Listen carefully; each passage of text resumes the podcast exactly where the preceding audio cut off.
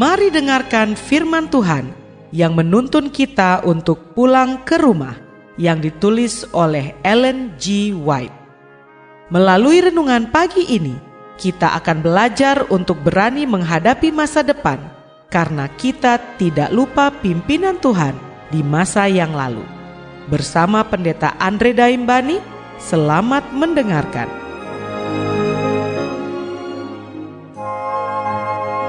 Shalom, selamat pagi saudaraku. Renungan pagi kita hari ini 25 Mei berjudul Jangan membuat pertemuan doa menjemukan. Ayat intinya diambil dari Lukas 20 ayat 46 dan 47. Demikian firman Tuhan. Waspadalah terhadap ahli-ahli Taurat yang mengelabui mata orang dengan doa yang panjang-panjang Mari kita dengarkan penjelasannya. Pertemuan doa seharusnya merupakan pertemuan yang paling menarik. Tetapi sangat disesalkan, pertemuan ini sering diadakan dengan tidak semestinya. Banyak orang menghadiri khotbah tetapi melalaikan pertemuan doa. Dalam hal ini pun diperlukan pemikiran yang serius. Akal budi harus dicari dari Allah dan rencana harus diadakan untuk mengadakan pertemuan itu supaya menarik. Orang lapar akan roti hidup. Kalau mereka mendapatkannya di pertemuan doa, mereka akan pergi ke sana untuk mendapatkannya.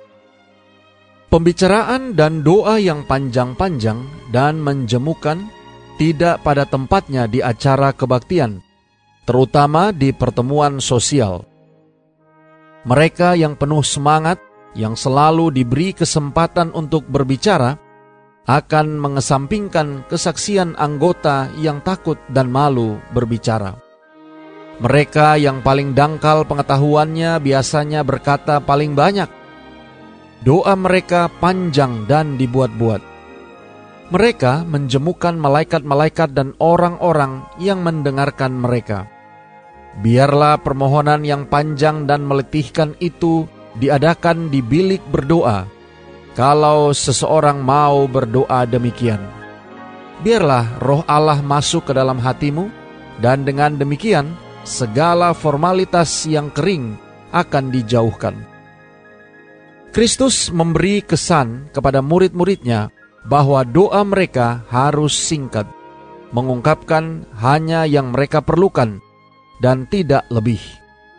Dia menunjukkan durasi doa mereka, mengungkapkan kerinduan mereka untuk berkat-berkat jasmani dan rohani, serta rasa syukur mereka untuk hal itu. Doa teladan ini sungguh luas artinya.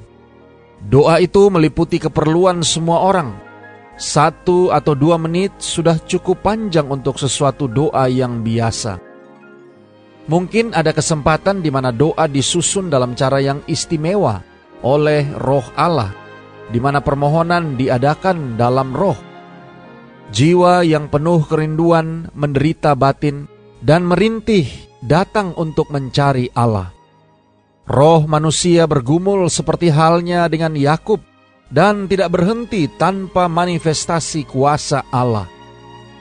Inilah yang dikehendaki Allah Saudara-saudara yang kekasih di dalam Tuhan, ada banyak orang mempersembahkan doa dalam cara yang kering seperti berkhotbah. Orang seperti ini berdoa kepada manusia, bukan kepada Allah. Kalau mereka berdoa kepada Allah dan sesungguhnya mengerti apa yang mereka telah lakukan, mereka akan terkejut melihat kelancangan mereka.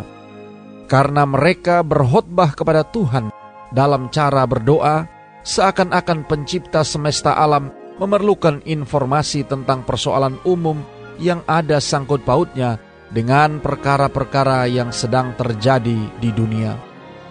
Segala doa seperti itu adalah bagaikan gong yang berkumandang dan canang yang gemerincing. Doa seperti itu tidak ada artinya di surga. Malaikat-malaikat Allah jemu dengan itu, serta manusia yang terpaksa mendengarkannya. Nasihat kepada Jemaat halaman 408 dan 409.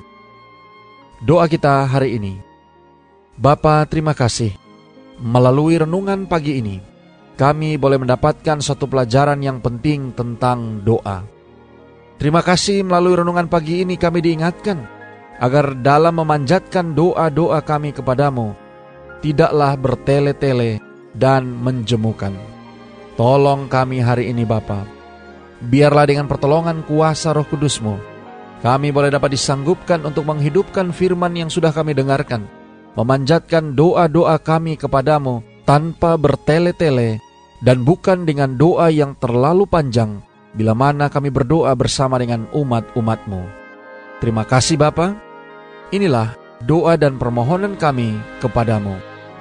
Di dalam nama Yesus kami berdoa. Amin.